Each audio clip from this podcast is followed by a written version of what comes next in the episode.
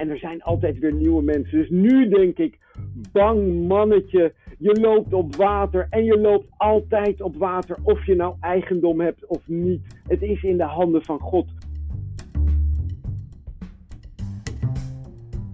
Ja, dat, soort, dat soort dingen spelen natuurlijk uh, nog wel. Dat wij uiteindelijk op het moment dat, dat er geïnvesteerd moet worden, wel op de knopjes drukken. Ja, dus, ik, dus antwoord op Geert's vraag. Ik, ik voel hem in elk geval wel. Welkom bij de podcast over leefgemeenschappen. In deze aflevering hebben we het over eigenaarschap. Daar valt een hoop over te zeggen, dus hebben we rondgevraagd wat er speelt op dit vlak bij de leefgemeenschappen. En op verzoek van een van de luisteraars richten we ons vandaag op het gebouw. Wie is de eigenaar van het gebouw en wat voor consequenties heeft dat voor de leefgemeenschap? We gaan hierover vandaag in gesprek met Frits ter Kuilen van het Jeannette Noëlhuis in Amsterdam Zuidoost, Jurjen de Bruyne, bewoner van de Hotstonhof in Amsterdam Centrum en projectleider bij Hebron in de Spaarnammenbuurt, en met Rosaline Israël, ervaringsdeskundige en onderzoeker van leefgemeenschappen. Verder hoor je mij, Johannes van den Akker, bewoner van het Kleiklooster in Amsterdam Zuidoost. En mij, Suzanne Dodeman, bewoner van een rijtjeshuis in Amsterdam Noord. We nemen de podcast op in coronatijd. Uh, dus we zitten allemaal in ons eigen huis, of in ons geval in een, in een caravan. Uh, en niet samen in de studio. Dus daar zul je af en toe misschien wel wat van merken.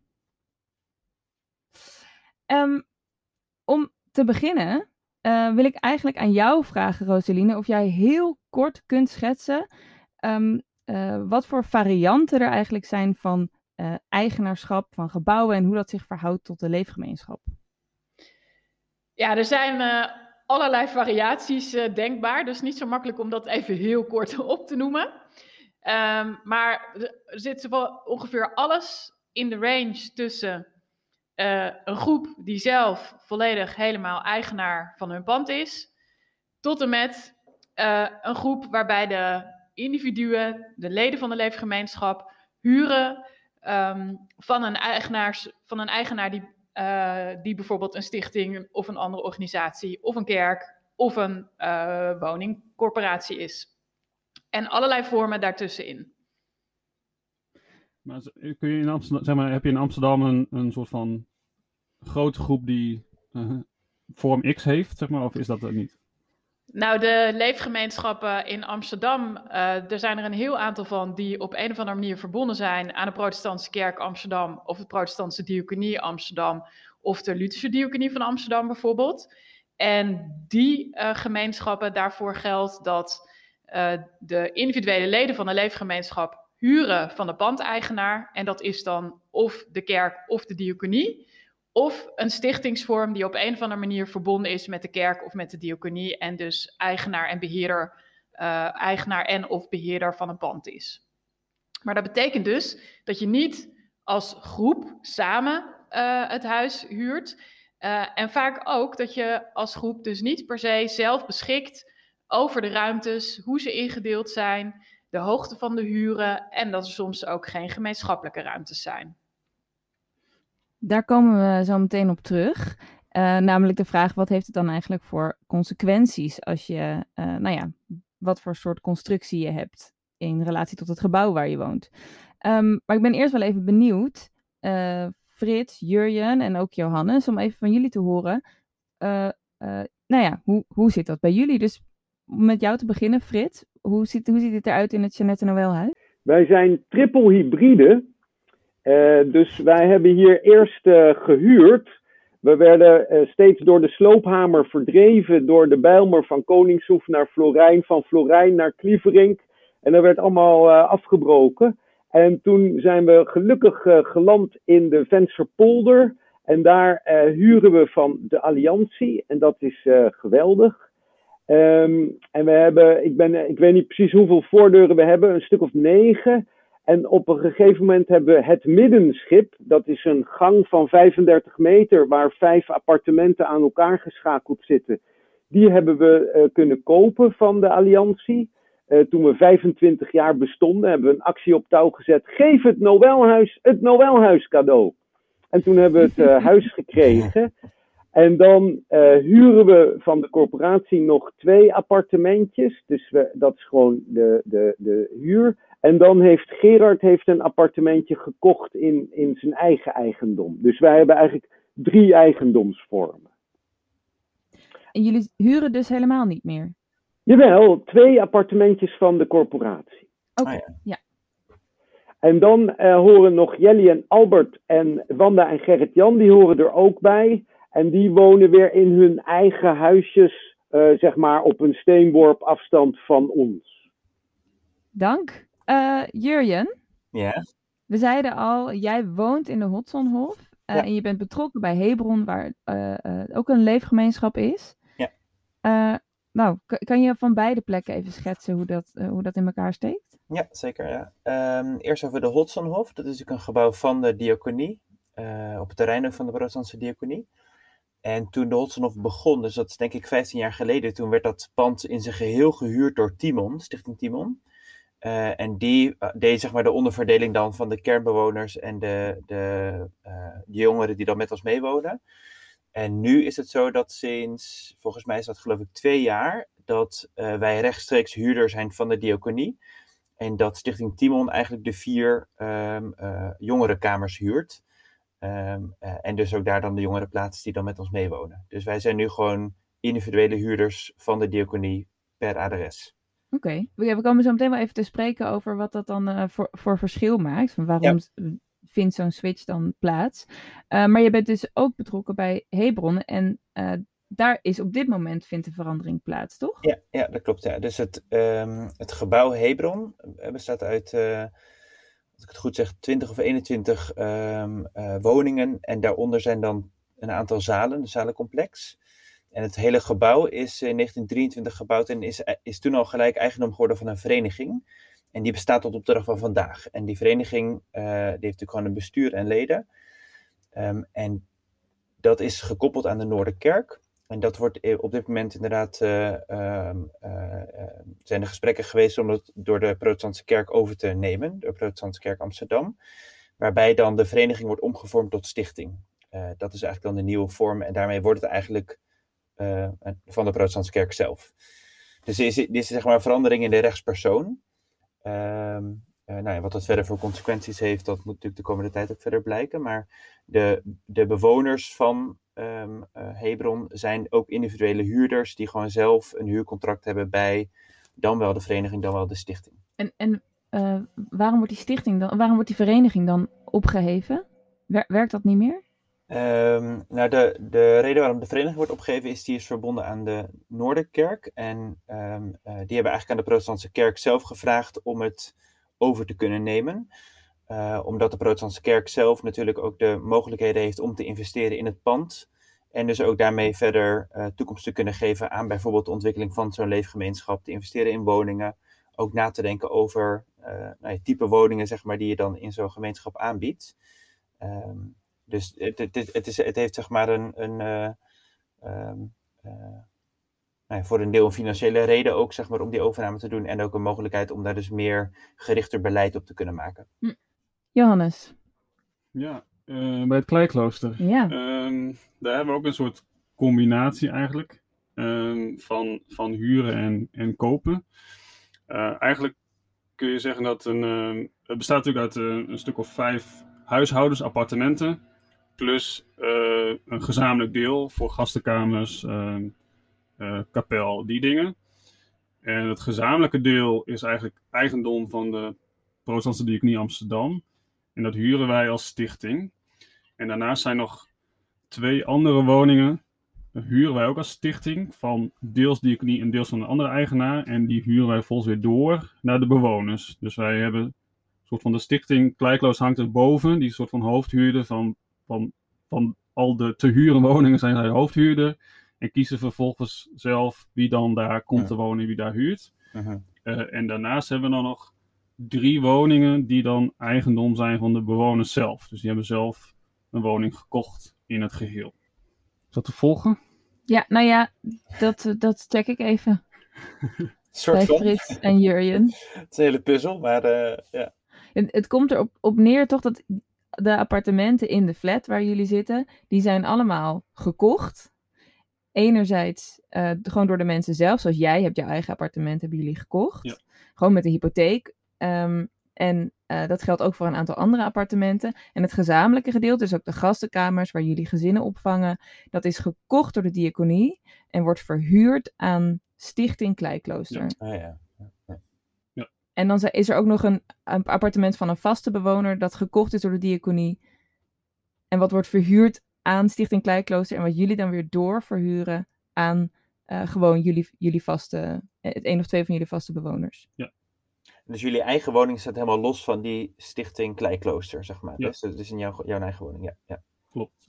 Ja, ja dus ik, ik hoop dat het uh, dat ook voor luisteraars, dat je een beetje een beeld krijgt dat het enorm gevarieerd is. En ik kan me voorstellen dat mensen zich afvragen, oké, het begint een beetje saai te worden. Waarom hebben we het hier over? Wat doet het ertoe? Roseline, wat doet het ertoe?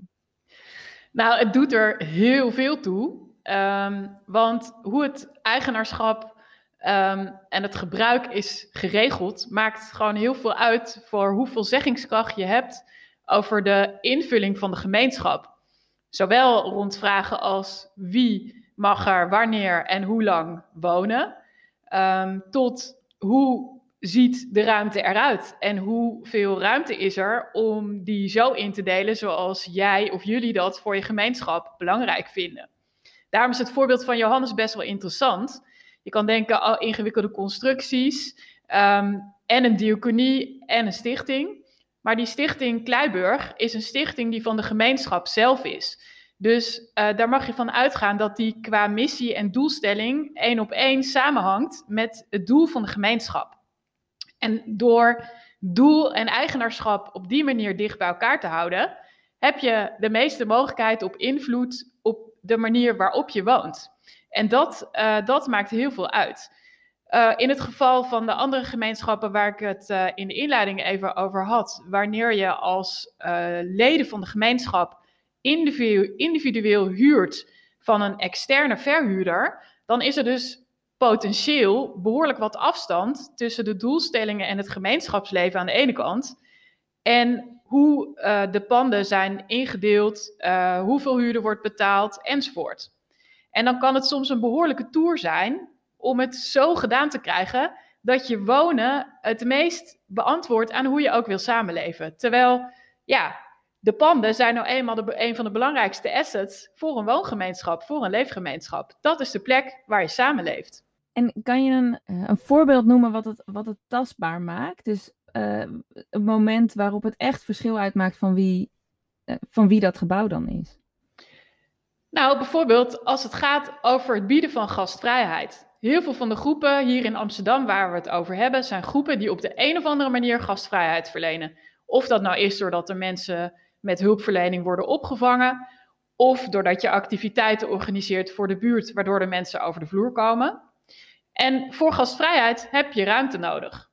En gastvrijheid betekent vaak ook dat daar niet meteen financiën uit voortkomen. Als je samenwerkt met een hulpverleningsorganisatie, zit er vaak wel iets met financiering vanuit hulpverlening. Maar als dat nou niet zo is, ja, dan betekent dat dus dat je in je pand ruimte nodig hebt. Eigenlijk om niet, zodat je kunt doen waarom je met elkaar bent. Nou, in het geval dat bijvoorbeeld elke woning afzonderlijk gehuurd moet worden, ja, betekent dat dat je met de pandeneigenaar een uh, gesprek te voeren hebt over of het ook mogelijk is dat bijvoorbeeld één of meerdere ruimtes niet direct huur opbrengen. Of dat bijvoorbeeld gemeenschappelijke ruimtes, uh, die ook geld op moeten leveren vanuit het perspectief van een pandeneigenaar, dat het niet meteen zo is dat uh, de kosten daarvoor hoofdelijk over alle huurders worden verdeeld. Dus dat heeft gewoon, grijpt direct in op hoe je gemeenschapsleven eruit ziet. Frits, is, dit voor jou uh, uh, herkenbaar? Want uh, jullie hebben op een gegeven moment heel bewust de keuze gemaakt om, om te gaan kopen. Wat, wat was de aanleiding daarvoor? Dat was een beetje fear-driven, dus angst. Hè? Ja, het, elke gemeenschap heeft zo zijn eigen geschiedenis. Hè? ik heb vroeger in Woensdrecht gewoond, van 83 tot 88. En toen was de vredesbeweging heel sterk. En wij woonden daar onder een stukje plastic naast de militaire basis. De regering had me ook nog negen maanden in de gevangenis gezet voor dienstweigeren. En je naam kwam in heel veel blaadjes van kerken, van Pax Christi, het IKV. Dus in die gevangenis had ik een eeltknobbeltje op deze vinger van het vele corresponderen. En toen ik vrij ben gelaten, heb ik mijn fiets gepakt en heb ik een rondje door Nederland gefietst om al die mensen te bezoeken.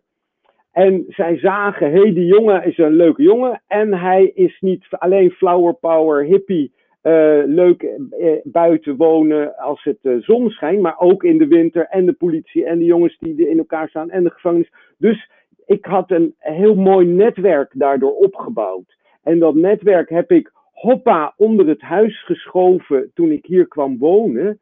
en dat was echt een heel solide netwerk. Maar er waren allemaal 50-plussers in 1980 die, die steun gaven. Dus mijn angst was, oh jeetje, dat netwerk, ze, ze sterven gewoon. Want je krijgt elke keer als je de nieuwsbrief uitstuurt, krijg je allemaal me, eh, enveloppen terug, overleden, overleden, overleden. He, die ordes en congregaties, massive, zoveel zusters die allemaal in woensdag kwamen bidden bij de hoofdpoort. Nou, die zijn gewoon uitgestorven. Dus ik dacht, oh jongens, die huur, het is toch een enorme huur wat je elke keer moet ophoesten. Hoe moet dat in godesnaam? Weet je wat, we kopen gewoon dat middenschip eruit en dan die mensen leven nu nog.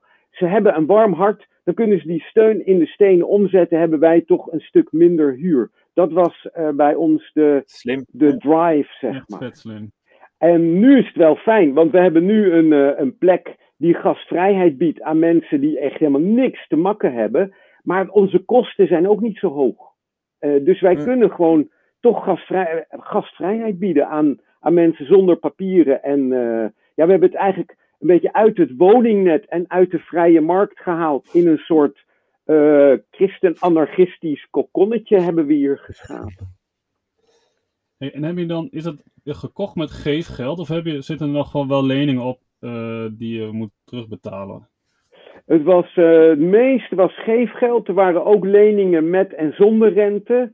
En die konden we, we konden eigenlijk heel snel aflossen. Uh, want door, door die actie waren er ook opeens weer nieuwe mensen. Ik weet niet waar ze vandaan kwamen. En er zijn altijd weer nieuwe mensen. Dus nu denk ik, bang mannetje, je loopt op water. En je loopt altijd op water. Of je nou eigendom hebt of niet. Het is in de handen van God. Um, dus zo, um, uh, zo konden we die leningen vrij snel aflossen. En er loopt nog één kleine lening bij de Conferentie Nederlandse Religieuzen. En die, maar dat is geen, ja, die, die wordt elk jaar kwijtgescholden. Dus die schelden een deel uh, kwijt. En dan wordt die, is die naar nul. Wow.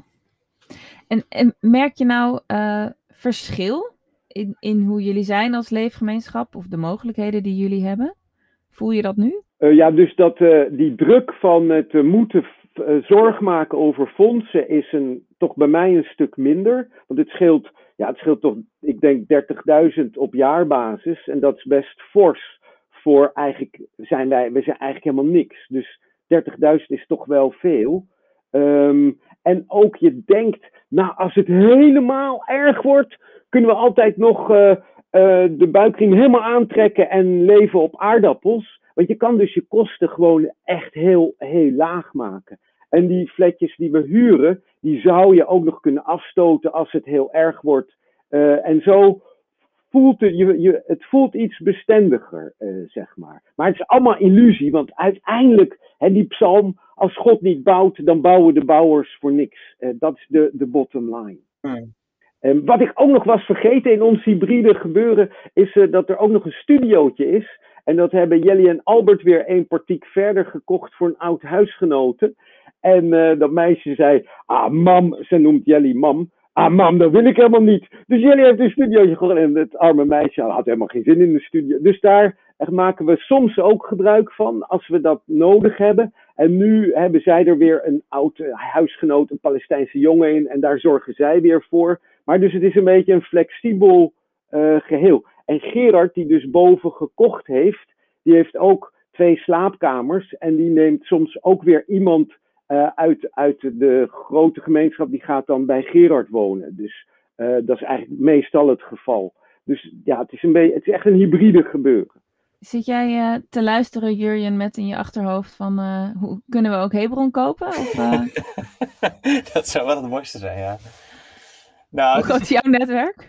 Ja, ja, precies. Dat is goed. Nee, maar ik, ik, het is denk ik wel. ehm, eh, ik, ik denk wel dat het, het, het, heeft een bepaalde lastigheid dat je gewoon inderdaad individueel huurder steeds bent. Dus je, je, ehm, het maakt het heel moeilijk om, om, zowel als het gaat over het bieden van gastvrijheid, als, als het gaat over bijvoorbeeld ook grote verbouwingen, dus nadenken over hoe je woningen samenvoegt. Daar, er speelt volgens mij altijd, zijn er twee belangen bij zo'n gebouw en een leefgemeenschap. En dat is wel de, de economische financiële kant. Het moet gewoon rendabel zijn. Dat zal de eigenaar natuurlijk in elk geval zeggen. En voor de, voor de leefgemeenschap speelt natuurlijk de meer ideële kant. Ehm, en, en die twee, zeg maar, in het, in het beste geval komen die twee samen, maar in het slechtste geval het, zijn is er een soort strijd tussen. Ehm, ehm, dus eh, ik ben natuurlijk meer van de ideële kant, zeg maar. Dus dan zou ik het het liefst kopen en het op die manier eh, invullen en inrichten. Eh, maar, maar ja, ik ervaar daar wel, ik ervaar daar in de praktijk wel een spanning tussen, ja. En, en ik weet ook niet precies hoe die, hoe die, eh, hoe die nou op de beste manier, zeg maar, op te lossen is. Ehm, maar het is wel een thema. Het is, wel- het is wel echt een ding, ja. Nou, wat ik uit het verhaal van, ehm, van Frits wel interessant vind, is dat hij dus zegt: door het pand eh, te kopen en één keer een groot beroep te doen op je netwerk, dat levert je dus op dat je die last van elke keer die huur opbrengen, dat je daar eh vanaf bent. Ehm, dat geeft natuurlijk wel degelijk ruimte. Dat geeft wel degelijk vrijheid. Eh, in een afhankelijkheid die je anders hebt ten opzichte van het netwerk dat je financiert. Het tweede wat me opvalt aan het verhaal van Frits is eh, dat het ook voordelen heeft om een soort hybride vorm te hebben. Dat vind ik wel een interessante. Ehm, namelijk dat je flexibiliteit eh, hebt om de, de grootte en de omvang van de woningen eh, mee te laten bewegen met de grootte en de omvang en de behoeften van de gemeenschap. En dat is natuurlijk wel iets wat eh, enorm ehm, eh, mooi is, omdat dan de groepsdynamiek en hoe je om kunt gaan met de ruimtes, dat, je, dat je veel ruimte hebt om dat goed op elkaar aan te laten sluiten. Terwijl bijvoorbeeld in de voorbeelden zoals ehm Hebron en best veel van de Amsterdamse gemeenschappen zijn dat je als individuele huurders in één eh, afgerond gebouw, om het zo, maar even te zeggen, gewoon met een x aantal appartementen zit. Ehm, dat dat veel lastiger is om aan te passen aan de behoeften van de gemeenschap, die nu eenmaal door de tijd heen veranderen. Uh, omdat, mensen, omdat juist meer mensen uh, single zijn, of juist omdat er gezinnen zijn die groter worden. Uh, terwijl het best wel in het belang van de gemeenschap bijvoorbeeld kan zijn om uh, ruimte samen te voegen, omdat mensen dan de gelegenheid hebben om langer in de gemeenschap te blijven wonen. Ja, als je daarvoor een uh, heel besluitvormingsproces moet voeren met degene die pandeneigenaar is en inderdaad, zoals Jurjen zegt, een andere, andere doelstelling heeft. Um, nou, dat is best wel, best wel een opgave. Terwijl als je kijkt naar onderzoek dus, als je kijkt naar wat uit onderzoek blijkt over panden en het eigenaarschap daarvan, het concept zoals uh, Frits dat omschrijft, concept Frits, om het maar even zo te zeggen, van het Jeannette Noëlhuis, um, laat zien dat het dat de gemeenschap helpt uh, om haar continuïteit vorm te geven.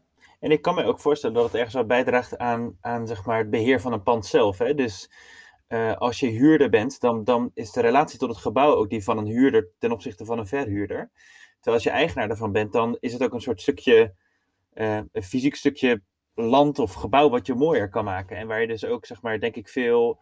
Uh, um, ja, door de tijd heen zie je, zie je de spijkers die je hebt opgehangen, of de muurtjes die je hebt gezet, of de, de, de wijze waarop je een, een, een plek hebt opgeknapt. Daarmee uh, um, ga je er ook nog meer van houden, zeg maar. En ik denk ook dat dat ook helpt in de soort duurzaamheid van een, van een, uh, een leefgemeenschap daarin. Ja. Um, ja, ja, ja, ja. Ik zie het ook wel helaas in het hele gebouw. Dus de, wij zitten heel veel, heel veel, 400 appartementen in ons blok. En de eigenaren hebben iets meer zorg voor het gebeuren uh, dan, dan de huurders, is mijn zo, zo, zo. Uh, maar ik, ik, ze, hier, dit willen ze helemaal leeg verkopen en daar lobby ik dan weer een beetje tegen bij de corporatie. Ik vind half-half vind ik de leukste mix. Dus zo, maar bijvoorbeeld, wij hebben geveltuintjes gemaakt en, en, en een pergola op het balkon. En je kan je verwarmingsketels kun je helemaal zelf doen. Uh, dus je bent veel minder afhankelijk inderdaad van de, van de huurder. Ja, ja, ja, ja. Ja, dus dat de, de aanname van Jurjen bij jullie klopt uh, dan in elk geval. Ja. Ik ga jullie even um, een eigenaar laten horen. Uh, namelijk Martin de Jong, van de, die werkt bij de Protestantse Kerk Amsterdam. En um, dan ben ik daarna wel even benieuwd, Jurjen, nou, hoe jij ernaar luistert en ook nou ja, hoe je bezig bent bij, bij Hebron en de, de verandering die daar plaatsvindt. Als protestantse kerk Amsterdam hebben we natuurlijk een aantal leefgemeenschappen waar we eigenaar van zijn. maar door de historie en door de jaren heen ehm, hebben we ook leefgemeenschappen die wel verbonden aan ons zijn, maar die in een eigen vereniging of stichtingenbestuur zit. en daardoor ben je dus wel op een of andere manier betrokken erbij, maar ben je niet direct ook eigenaar, heb je ook niet direct zeggenschap. En wat voor ons als Protestantse Kerk Amsterdam richting in ieder geval de toekomst heel belangrijk is, is dat die plekken zoveel mogelijk natuurlijk gaan blijven. Nou, jullie weten allemaal wat, uh, wat onderhoud kost. Jullie weten dat de WOZ-waarde uh, in Amsterdam de pan uitreist. Dus dat zijn wel, naast wat we als Protestantse Kerk Amsterdam idealiter willen, um, worden we ook wel min of meer natuurlijk gedwongen om over ja, het, gewoon het beheer en het rendement na te denken als Protestantse Kerk Amsterdam hebben we echt wel best wel behoorlijke verwachtingen van um, al die leefgemeenschappen. En um, bij sommige leefgemeenschappen is het goed uitgekristalliseerd uh, wat hun doel is. En op welke manier ze ook bijvoorbeeld bijdragen aan een kerkplek die aan de leefgemeenschap is gekoppeld. maar wat we wel hebben gezien de afgelopen jaren is dat het best wel verwaterd is. Um, het, het niet meer helder is waarom mensen met een missie komen wonen. Um, en wat je ook waar mensen kunt verwachten. En ik denk dat we daar ook niet voldoende reëel in zijn geweest door de jaren heen. We hebben gedacht van nou, uh, mooi dat er een, um, een is. En die gaat het wel doen op die plek en kerk zijn. en die verwachting is, laat ik het zeggen, niet uitgekomen. wat ik vorig jaar heb geleerd toen ik heel erg bezig was met de ontwikkeling van een pastorie die we hebben in de Willem de Zwijgen, uh, naast de Willem de Zwijgenkerk, is dat je het er zijn van een uh, leefgemeenschap, dat dat al iets is. Dat het al iets betekent, uh, dat het al iets doet. Um, en dat je daarnaast gewoon heel reëel moet zijn in de verwachtingen die je gaat creëren. Dus ik zou eigenlijk zeggen, leg vooral de lat niet te hoog. want de mensen die in een leefgemeenschap wonen, hebben vaak een gezin of zij starten en proberen hun weg te zoeken in een stad als Amsterdam. Alleen al dat vraagt veel tijd, vraagt veel energie van mensen. Uh, mensen moeten hun eigen leven op orde krijgen. En als je dan daarnaast nog zegt van ja, maar daarnaast hebben we nog hier een A4'tje van dingen die wij van jou verwachten. Um, ik denk dat we daar wat reëler in moeten worden. Dus enerzijds de verwachtingen niet te hoog stellen, denk ik. Maar anderzijds ook wel heel goed het gesprek aangaan met de mensen die daar wonen. En ook echt te zoeken van wat is wel en wat is niet haalbaar. Ja, ik ben het best wel uh, met je eens, uh, denk ik. En, en, en het is vooral, zeg maar, uh, op het moment dat dingen onuitgesproken blijven en het gesprek er niet plaatsvindt, zeg maar, dan, dan loopt het ook mis. Nee, dat klopt. Dat, dat zien we ook eigenlijk gebeuren. Hè? Dat, daar hebben we ook wel voorbeelden van, zonder bij na en toe te noemen.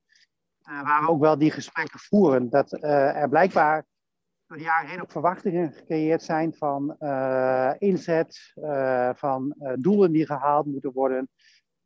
En dan krijg je toch wel na verloop van tijd scheve ogen. Hè? Want de een doet al meer voor de kerkgemeenschap of is actiever binnen een leefgemeenschap. En ja, dat, dat geeft echt wel drevel. Dus inderdaad, ik onderstreep, zorg dat je heel duidelijk die doelen en de verwachtingen managen. Kijk, ik denk dat je als Protestantse Kerk Amsterdam hebben we gewoon een missie. Een missie is om de liefde van God gestalte te geven uh, in een stad. dat doe je middels allerlei initiatieven, maar ook kan een leefgemeenschap daarin in bijdragen. Interessant. Wat vind je daar interessant aan, Jurjen? Nee, het, het, het, ik raak echt aan heel veel thema's die ik de afgelopen jaren ben tegengekomen. Um, ik denk dat we bij Hebron een behoorlijk goede balans hebben ontwikkeld, of een goede verhouding hebben ontwikkeld tussen de kerk die in de zalen beneden uh, ontstaan is de afgelopen jaren en de leefgemeenschap in de woning erboven. vroeger was het zo dat het gebouw eigenlijk werd ingezet voor de bewoners die er kwamen wonen. Die moesten zich inzetten voor nou, dan wel de Noorderkerk, waar het toen aan verbonden was, dan wel Hebron. Ehm, en toen ik daar begon, was dat eigenlijk ook nog wel de gedachte. Dus dat, dat een bewoner van het pand zowel aan een leefgemeenschap zeg maar, meedeed, als ook een soort van uh, ja, een soort vrijwilliger was, zeg maar, die, uh, die je snel opbelde als er iets gedaan moest worden. En dat leverde wel steeds meer spanning door de jaren heen op. En wij hebben een aantal jaar geleden een heel duidelijke knip gezet. Dus uh, ik als pionier heb eigenlijk besloten om de, om de bewoners van de leefgemeenschap niet meer te bellen steeds voor allerlei dingen die gedaan moesten worden. En we hebben het heel duidelijk met elkaar uitgesproken dat wil die leefgemeenschap zich ontwikkelen, we het niet als een soort kernkerk kunnen gaan zien. En ik, ik denk dat dat bij Hebron ook wel heeft uitgemaakt dat we op die manier dus ook een, veel meer ruimte hebben kunnen geven aan de, uh, uh, aan de gemeenschap om zichzelf los te ontwikkelen. Um, uh, zonder dat we, dat we dus van hen meer tijd vragen dan bijvoorbeeld een andere buurtbewoner die bij de kerk betrokken is. en dat is een heel duidelijk moment geweest waarop we bij elkaar hebben gezeten om dat uit te spreken. En toen kon de leefgemeenschap ook veel meer nadenken over haar eigen roeping of eigen rol in zo'n buurt of in zo'n wijk. Niet, wij wonen hier niet om die kerk te ondersteunen. Nee, wij wonen hier om uh, zelf die missie van Gods liefde, zoals Martin het ook noemt, gestalte te geven in de stad, specifiek op die plek. Uh, wel, wel, wel verbonden aan, in dit geval Hebron, maar wel met een heel eigen programma, met een eigen idee wat ze daar dan, wat ze daar dan willen betekenen in zo'n wijk.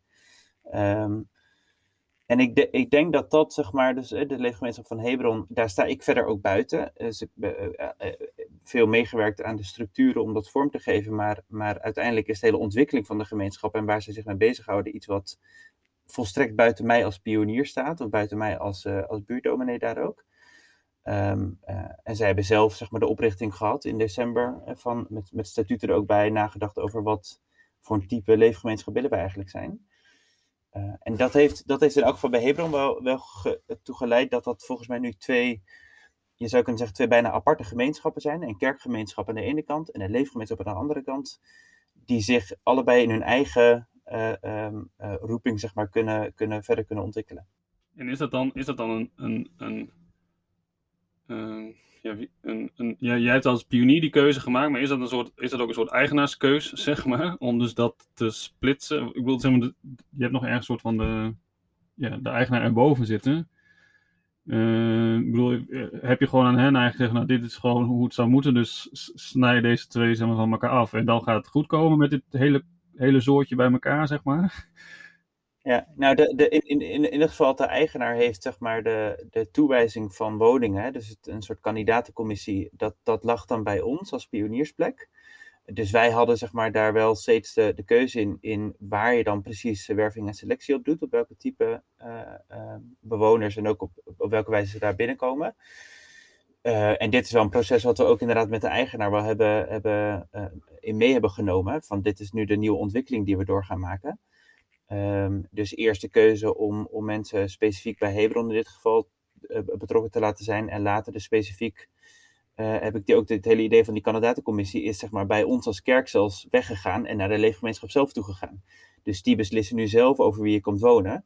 Zonder dat wij als, als kerkgemeenschap daar dan uh, een soort van nog kunnen zeggen, nou, we hebben dit soort mensen, we hebben muzikanten nodig of we hebben, weet ik al, technici nodig of zo dat was, dat was denk ik in de beginfase van Hebron misschien nog wel het geval, maar daar zitten we nu, daar, daar zitten we nu helemaal buiten. Het is nu echt volstrekt aan de leefgemeenschap zelf. En um, ja. hoe loopt die ontwikkeling dan samen nu met die switch naar, uh, naar een stichting?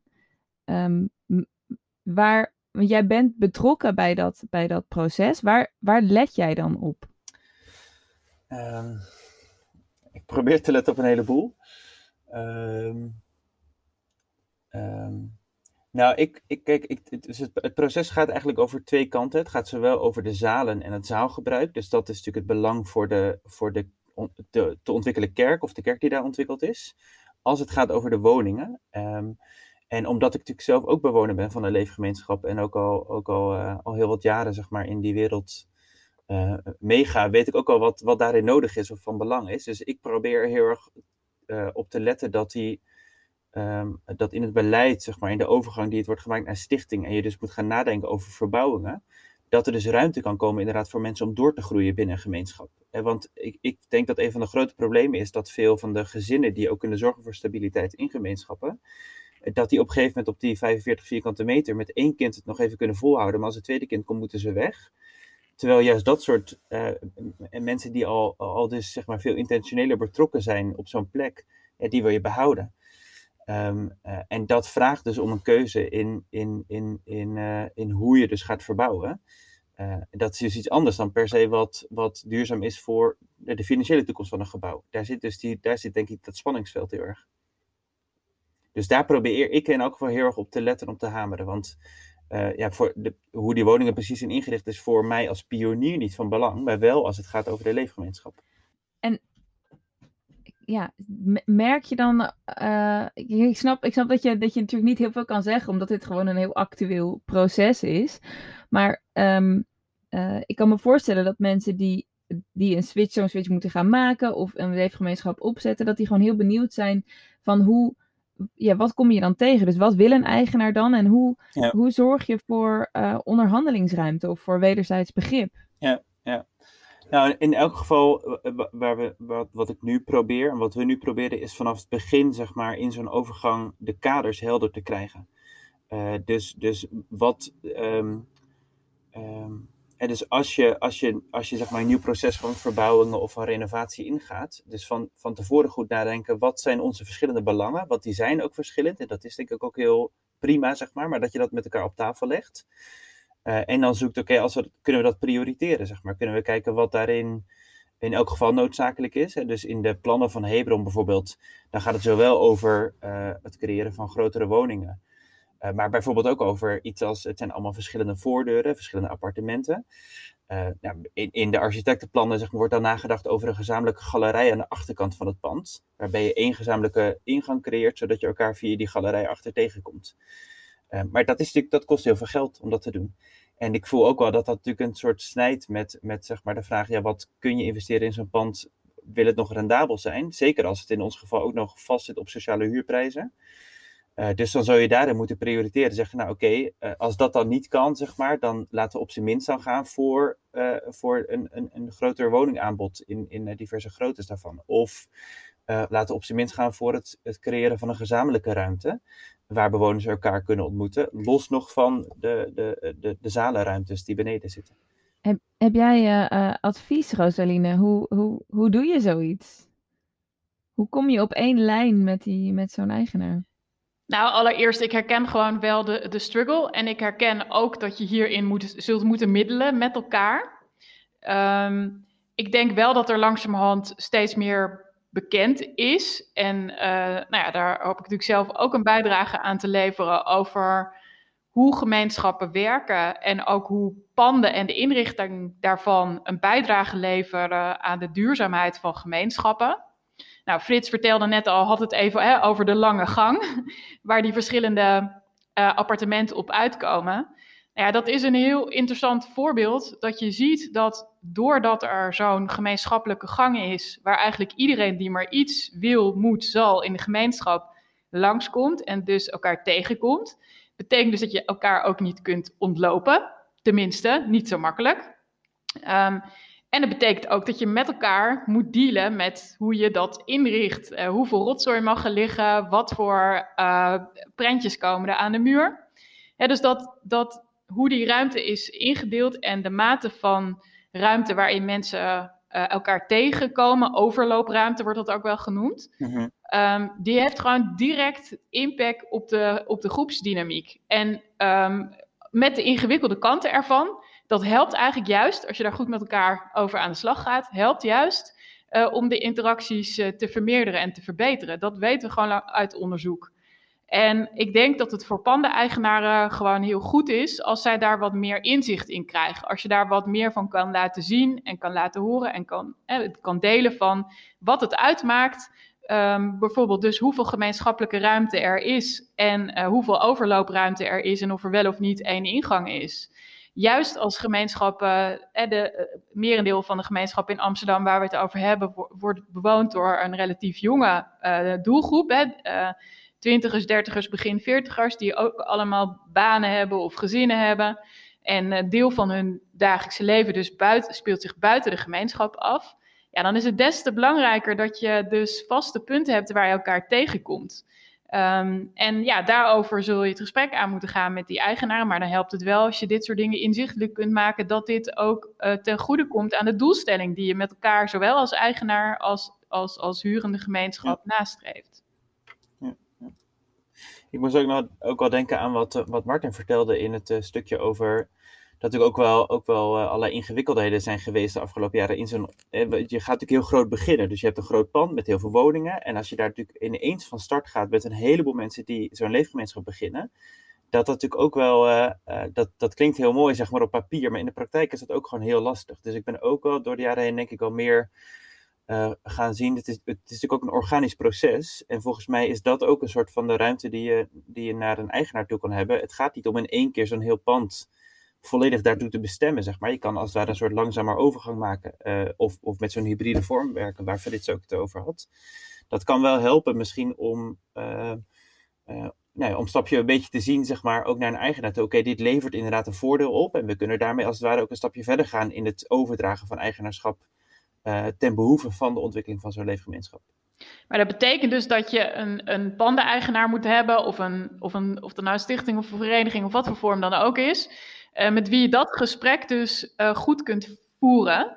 En um, ik ben nu zelf ook weer heel erg over dit thema aan het nadenken, niet alleen door mijn onderzoek en het begeleiden van groepen, maar ook omdat ik zelf opnieuw een gemeenschap aan het beginnen ben. Um, en dan merk ik dat wij, terwijl wij dus langdurig ervaring in leefgemeenschappen hebben, en ook in een grotere leefgemeenschap, dat wij heel erg graag zouden willen kiezen voor een groeimodel, waarin we gewoon klein mo mogen beginnen met een paar mensen, zonder meteen een enorme externe druk uh, van output die geleverd moet worden.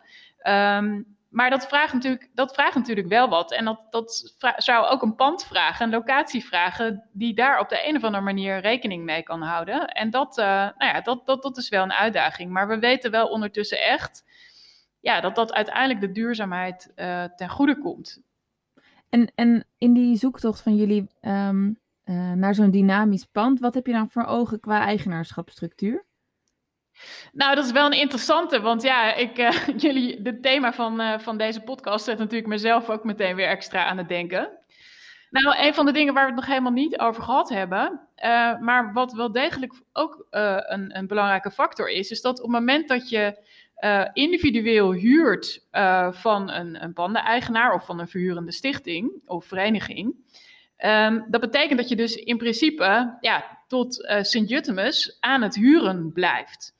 En uh, zeker als je kijkt naar de leeftijdscategorie van, van mensen over wie we het hebben, zijn dat levens waar allemaal nog een hoop in kan veranderen.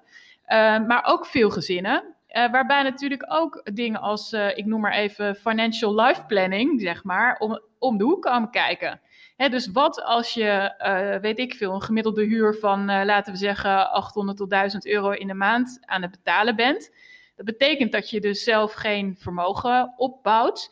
Uh, en dat je, nou ja, in Amsterdam zal het niet zo makkelijk lukken, maar met 1000, 1000 euro in de maand zou je ook een hypotheek voor een huis kunnen hebben. Dus um, het heeft ook nogal, ook op de langere termijn, behoorlijke consequenties als mensen op deze manier met dit soort bedragen aan het huren zijn. En dat is een van de dingen waar ik nu zelf mee bezig ben. Mijn kinderen zijn niet zo klein meer. We zijn, we zijn in die zin niet meer zo jong, snel en wild dat we zo idealistisch ergens instappen. En dat wij dus ook al met elkaar hebben gezegd, ja, wij vinden het ook echt wel een optie dat we zelf um, huizen zouden kopen. Of bijvoorbeeld zouden kopen en dan dat een stichting of een andere organisatie ook één of twee panden koopt waarin wij dan mensen op zouden kunnen vangen. Maar het is voor ons dus helemaal geen gek idee meer dat we zelf ook zouden kopen. En uh, ja, in de periode 20 jaar geleden dat ik begon met de gemeenschap, zou ik daar niet over nagedacht hebben. Terwijl het heeft echt op lange termijn ja, voor, voor hoe je financiële huishouding eruit ziet, best wel grote consequenties. Ja, dus de constructie kleiklooster is dan uh, wat je voor ogen hebt. Ja, ja inderdaad. En daar, bij in de constructie van het kleiklooster vind ik het dus interessant dat uh, wel zelf dus de stichting is, die dan wel de gemeenschappelijke ruimte uh, daarover beschikt. En die ook beschikt over de huurders onder haar leden. Hè, dus hoe je dat aanpakt. En die ook beschikt over de kamers waarin mensen opgevangen worden. Dus dan hou je, uh, hè, dus even in, in lijn met Jeanette Neuhaus, dan hou je in die zin wel ehm, hoe je met je panden omgaat, wel heel dicht bij je eigen doelstelling. Daar, uh, ik denk dat dat, dat, dat de aantrekkelijkheid uh, nou ja, nu voor, vanuit mijn optiek zou zijn voor zo'n uh, scenario. Ja, en ik had zeg maar dat, ik vind wel een goede, dat, in de voorbereiding vroeg Suzanne het ook van, heb je dat, het idee dat mensen konden kopen, had het ook te maken met dat ze daarmee überhaupt zeg maar, konden, zeg maar, vermogen konden gaan opbouwen en ook van in, die, in, die, ja, in, dat, in dat deel van de maatschappij kunnen meedoen. Uh, maar dat was voor mij toen in elk geval helemaal niet het argument. Dus waarom we voor die optie koop hadden gekozen, was eigenlijk puur omdat ik dacht, ik wil een commitment hebben van mensen die nu, die een startgroep, zeg maar, ik ben gewoon bang dat als ik samen met Joanna als startend gezin, zeg maar, uh, dat klooster van de grond wil krijgen en ik krijg mensen die een huurcontact tekenen voor misschien twee jaar, en dan denk ik, nou, ik ben alweer klaar en weer vertrekken. Ik dacht, ik, ik, ik vond het wel een beetje spannend. Dus ik dacht, stel dat ik mensen kan overtuigen om mee te kopen, dus hun eigen stukje kan kopen in het geheel, dan hebben ze in elk geval misschien wel vijf jaar in hun hoofd, zeg maar. Omdat je uh, niet zo snel je huis gaat verkopen, dus dan, dan ja, wordt er een soort commitment gekocht. Dus dat was voor mij toen, zeg maar, een belangrijke reden om, uh, om het te doen. En ook nog, er is nog een switch geweest, ook dus een van de kloosterlingen huurde in eerste instantie, zeg maar, van van, via de stichting van een pandeigenaar. Uh, en heeft toen, kon het toen niet kopen bij aanvang, zeg maar. En, en op de duur wel. En toen hebben wij hem eigenlijk de kans gegeven samen met de pandeigenaar om het alsnog te kopen. Vanuit die commitment gedachte. Uh, van nou, dat, ik, dit is een extra. Ja, we hadden nog geen, uh, geen geloftes of al die dingen. Maar ik dacht, dit is ook een manier om. om hier is iemand die echt vol wil gaan. En dat onder andere wil doen via eigenaarschap. Dus uh, laten we dat op die manier doen.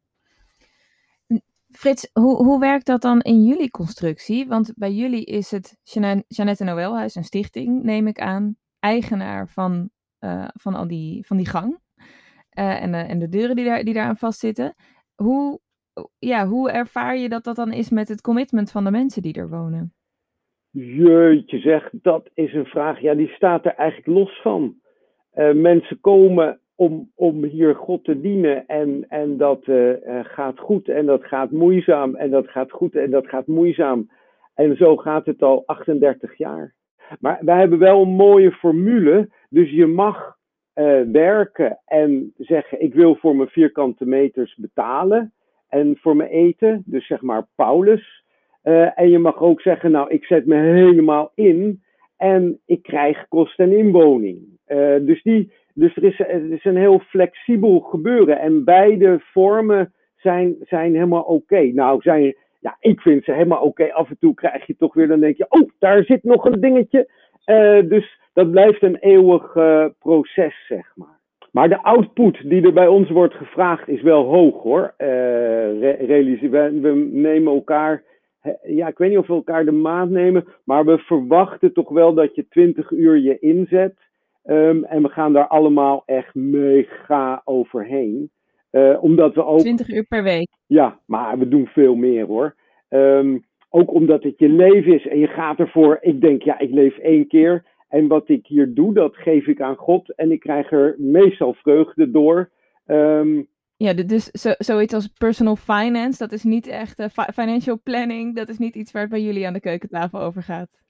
Uh, nee, daar gaat het bij ons aan de keukentafel niet over. Nee, nee, nee. Maar ik heb nu een gezin, dus dan, de, uh, dus dan doe je het wel met je gezin, uh, weet je. Dus zo, um, maar ik geloof niet dat... Nee, dus hier niet echt... de, de meeste ja, hebben gewoon geen baan, geen inkomen, geen niks. Dus dat is dan toch wel een ander, um, ander ballgame, zeg maar. Ja dat, zijn, ja, dat is echt een andere soort manier van, van in het leven staan. Ja, ja. En uh, Jurjen, jij uh, uh, noemde in de voorbereiding ook iets over stabilitas. Wat wel, nou ja, misschien kan, kan je dat uitleggen. Dat is een, een, een pijler, toch? Ook in die, de kloosterorde waar je het eerder over had. Ja, het is, het is natuurlijk een van de drie monastieke geloftes. nou, ik moest eruit denken toen het ging over eigenaarschap en gebouw. Dacht ik, het is ik vind het ook wel iets moois hebben, zeg maar, dat je, dat je uh, doordat je een pand heel duidelijk een bestemming geeft, of, of met elkaar, zeg maar, heel duidelijk je, je, um, uh, je eigenaar maakt van een plek, je ook, ook een soort van uh, heel duidelijk zegt, ik, ik ben hier en ik blijf hier ook. Of in elk geval, wij zijn hier en wij blijven hier ook. Um, ik, ik, ik denk dat dat, dat, dat gewoon wel. wel uh, ik bedoel, heel veel idealen kunnen altijd een soort van in de lucht hangen. Je kan altijd heel erg mooi zeg maar, ergens over praten. Maar het gaat ook gewoon over, over een fysieke plek die je mooi maakt. Een klein stukje koninkrijk wat je zeg maar schept in een, in, in een gebouw of in stenen of in een stukje grond zeg maar wat je bewerkt.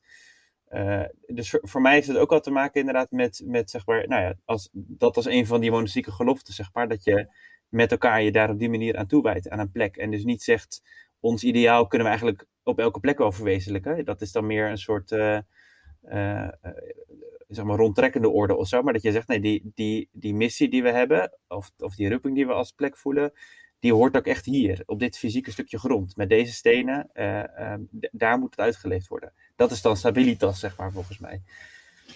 Ik wil jullie nog een, een andere pandeigenaar laten horen. Um, namelijk Geert Westert, die in dienst is bij de protestantse diaconie in Amsterdam. Um, nou ja, en over hoe, hoe de diaconie aankijkt tegen de leefgemeenschappen die in hun gebouwen huizen bij de diaconie hebben we eigenlijk twee typen uh, leefgemeenschapvormen waaraan we verhuren. Dat is of direct aan een organisatie, zoals het Kleiklooster of Timon bijvoorbeeld. Of wij zijn zelf gewoon eigenaar van alle woningen en verhuren dan aan de huurders individueel. Dus daar zit in de omgang al een klein verschil in.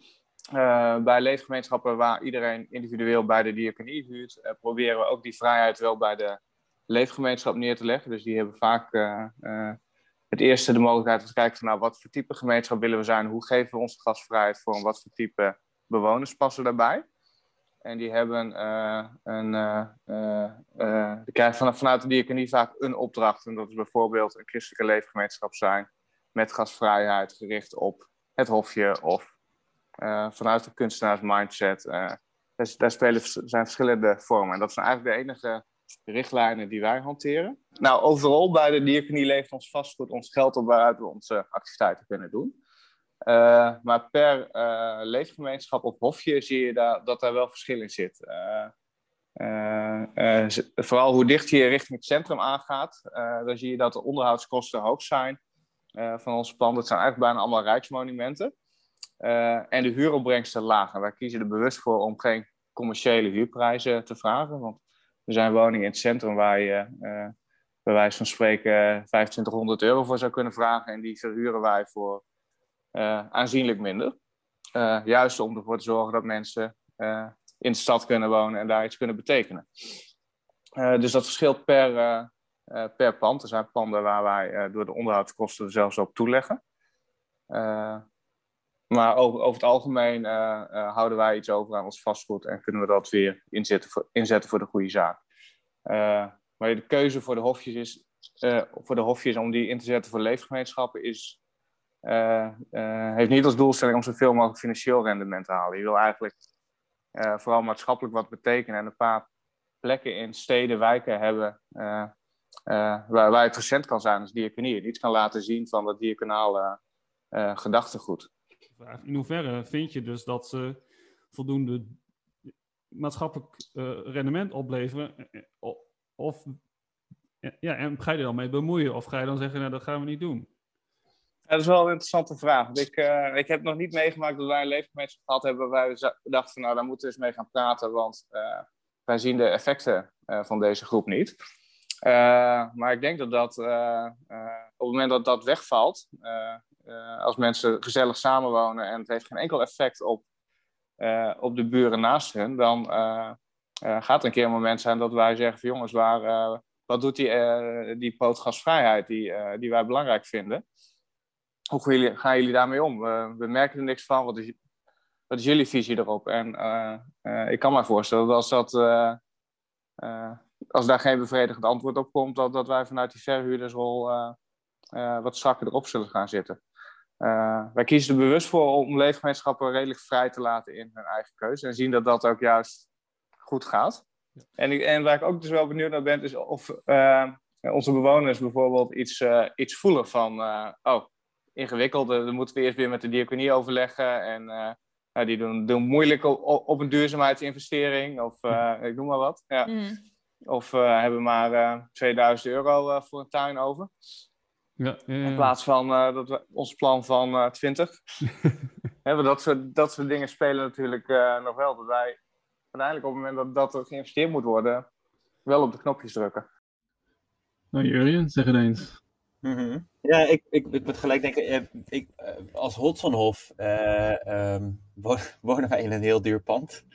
Eh, Rijksmonument, eh, eh, Nieuwe Keizersgracht, toch? Nieuwe Keizersgracht. Ja, ja, ja, ja. Het, is een, het is een hele dure locatie. Dus wij weten ook wel zeg maar, dat dit pand veel kost. Ehm, en een manier waarop we, waarop we de, juist nu ook met de diaconie proberen om zeg maar, tot een soort win-win situatie te komen, is na te denken. We hebben een stichting opgericht kort geleden. Eh, Stichting Hotsonhof, om te kijken of we alle gezamenlijke ruimtes, die dus nu zeg maar met kleine bedragen in onze huur verstopt zitten, dus een gezamenlijke keuken, gezamenlijke woonkamer, of we die zeg maar eh, als stichting kunnen gaan huren. Want eh, omdat wij natuurlijk een, een heldere doelstelling hebben zeg maar, in de opvang die we doen voor kwetsbare jongeren, het is ook veel makkelijker is om daarmee fondsen te werven. Dus we proberen nu te kijken of we dan die keuken en, en, en de woonkamer op die manier daaronder kunnen brengen met een huurcontract. Eh, dat gaat dan weer van onze, onze particuliere huur, om zo maar te zeggen, af. Hè? Dus dan, dan, dan vang je het daarmee uiteindelijk op. Eh, maar daarmee kan het dus ook voor de, voor de diaconie zelf interessanter worden, zeg maar, om, eh, ehm, eh, nou ja, om te zeggen, nou, oké, wij kunnen dan wel degelijk een bedrag investeren, omdat we weten dat het uiteindelijk ook meer oplevert, zeg maar, als je dus met fondswerving meer voor elkaar weet te krijgen. Eh, en in ons geval is de aanleiding daarvoor bijvoorbeeld onze keuken die, die naar aan renovatie toe is. Ja, dat, dat is een soort standaardbedrag van een, huurder, van een verhuurder voor het opknappen van een, van een keuken. Maar wij hebben bepaald belang om, om daar echt een gezamenlijke ruimte van te maken voor, eh, om met z'n zeventienen te kunnen eten, zeg maar. Ja, dus, ik, dus antwoord op Geert's vraag. Ik, ik voel hem in elk geval wel. en wij denk ik ook wel, zeg maar, dat, dat, dat, dat, dat, daar, dat daar een soort van... eh, dat het voor de diaconie ook wel, ook iets kost, zeg maar. En, en je dus zoekt naar een win-win situatie. Tegelijk had eh, eh, een van de dingen die de grote vraag, zeg maar, die Geert heeft als eh, nou ja, eigenaar, is hoe kunnen we nou die, die leefgemeenschappen het beste ondersteunen? Dus die betrokkenheid, en die hoor ik bij Martin en die hoor ik ook wel bij Geert, en eh, eh, die, die is heel groot. En tegelijk weet ik van de, nou ja, de mensen uit leefgemeenschappen die we spreken, ook wel dat dat soms heel ingewikkeld kan zijn. Eh, en dat er soms ook heel veel onduidelijkheid is. Dus dat er niet, niet, niet goed in gesprek wordt gegaan. En dat die idealen ook niet als uitgangspunt dienen. En dat het heel vaak het gesprek op geld blijft hangen. Dat is een beetje mijn impressie van, van een afstand. S- ik ben benieuwd misschien Rosaline of jij, want als afsluiting iets, een, een, een soort van tip kan geven aan zowel die eigenaren als die leefgemeenschappen van ja, hoe kom je nou eh, tot een goede manier van samenwerken? Nou ja, ik denk allereerst ehm, dat, dat de verhalen die we vandaag horen, dat die laten zien dat het best complex is. Ehm, ik heb er zelf aan meegewerkt dat eh, het idee van christelijke leefgemeenschappen steeds meer is geland eh, bij kerken en bij diaconieën. Eh, en dat, dat zij dit steeds meer zijn gaan zien als ook een vorm van kerk zijn, even in de brede zin, eh, die, ook voor een deel de toekomst heeft. Ehm, tegelijkertijd ben ik zelf ook wel de eerste om te zeggen, en dat herkennen we ook in deze verhalen, eh, dat het heel belangrijk is om deze groepen niet op voorhand met allerlei verwachtingen te behangen. Eh, en dat we hebben geleerd dat eh, het onderlinge samenleven gewoon heel veel van groepen vraagt. Daarom denk ik ook dat het goed is dat we ook proeven in de verhalen van Martin en in die van Geert, dat er ook een soort terughoudendheid is om te veel van zo'n groep te verwachten. En uh, om daar als, als diaconie of als kerk te strak op te gaan zitten. Tegelijkertijd hebben zij natuurlijk helemaal gelijk dat als je je vastgoed als kerken of als diaconieën, um, wil je ook ideeel inzetten. Dus eh, daar voel je je ook uh, naar je eigen roeping natuurlijk ook verbonden mee. En ik denk dat het um, ja, echt nodig is om samen met elkaar uh, te onderhandelen over hoe je Um, ja, waar je verwachtingen uh, liggen en hoe je daar wel of niet aan tegemoet kunt komen. En ik vind het voorbeeld wat Jurje noemt over de Hotsonhof, dat zij nu uiteindelijk een stichting hebben opgericht, vind ik dus eigenlijk een hele mooie. Want daarmee zie je dat, dat er een weg gevonden is waar aan de ene kant de gemeenschap juist meer eigenaarschap heeft en krijgt over het gemeenschappelijke uh, ruimtes en de invulling daarvan. En aan de andere kant dat de pandeneigenaar uh, daar ook voordeel bij heeft, omdat dat ook uh, geld in het laadje brengt. En dus de, um, wat nodig is om het kostbare van die panden overeind te houden, dat daar ook in voorzien kan worden. Dus dat, dat vind ik een mooie, um, ja, mooie uitkomst van, van zo'n proces. Ja, nou ja, wat ik ook nog interessant vind aan dit is um, dat het best wel moeilijk is zeg maar, om precies te snappen hoe een leefgemeenschap werkt en wat daar een soort van de voorwaarden voor zijn. Dus ja, in die gesprekken die we nu hebben, zeg maar. Dus bijvoorbeeld zo'n gezamenlijke gang al dan niet, of galerij, of hoe het dan heet, of uh, die gezamenlijke ruimte. Of, nou ja, dus die soort van, wat zijn nou een soort van minimale voorwaarden aan een pand om het een goede gemeenschap te maken? Ik bedoel, eigenlijk zijn alle varianten in Amsterdam al aanwezig, hè? dus helemaal individuele huizen, niks gezamenlijks, zeg maar. Uh, wat blijkbaar ook manier werkt, uh, maar, maar zijn, ook zijn tekorten kent, zijn tekortkomingen kent. Um, maar dat, dat bij aanvang, zeg maar, dus de, zowel de eigenaar niet precies weet, die, die woont er niet, dus die weet niet, die weet niet hoe, uh, uh, precies hoe een leefgemeenschap werkt. Dus die kan, weet alleen hoe het financieel werkt en wat het kost. Dus die heeft moeilijk zicht op van, is het nou een verantwoorde investering om die galerij aan te leggen of niet? Terwijl veel gemeenschappen, dat komt dan bij jou, Jurjen, heb je natuurlijk al veel ervaring. Dus jij bent beter op de hoogte en ziet ook wat van belang is. Maar dat er heel veel beginnende gemeenschappen dat natuurlijk niet weten. Ik weet niet, zeg maar, ja, een beetje op basis van, van rondkijken. Nou, dit zou misschien interessant kunnen zijn. Dit is misschien een goed element om toe te voegen. Maar dat is niet een heel hard gegeven. Dus in, als ik een onderhandeling moet doen met een eigenaar om te verbouwen, dan heb ik die kennis eigenlijk niet. Dus aan beide kanten mist dan best wel kennis om hier verstandige keuzes in te maken. Dus dat, dat vind ik nog wel, nou ja, dat komt nu toch wel naar voren dat dat best wel ingewikkeld is. Ja, even, ik denk dat voor mij is dit ook een van de redenen waarom ik ook graag mee wil werken aan, aan deze gesprekken, aan deze podcast. Um, en ik denk um, dat het heel erg nodig is uh, om te werken aan een netwerk waarin we ook deze kennis en deze ervaringen met elkaar delen. Um, en dat er ook mensen die gewoon, nou ja, zoals Jurjen vertelt, goede ervaring hebben opgedaan. Um, dat we die ook weten te vinden, zodat die ook ingeschakeld kunnen worden door nieuwe groepen. Heel erg bedankt. Jurjen, Frits, Rosaline voor dit gesprek. Dank ook aan Geert Westert en Martin de Jong. En uh, aan de luisteraars, dank voor het luisteren. Wil je nou reageren of heb je een idee voor een volgend onderwerp? Uh, laat het ons vooral weten. Stuur even een mailtje aan mij, suzanne.firmahoedanwel.nl Deze podcast over leefgemeenschappen wordt gemaakt door mij, Johannes van der Akker en Suzanne Dodeman van Hoe dan Wel, in opdracht van de Protestantse Diaconie Amsterdam. De muziek die je hoorde is van Blue Dot Sessions.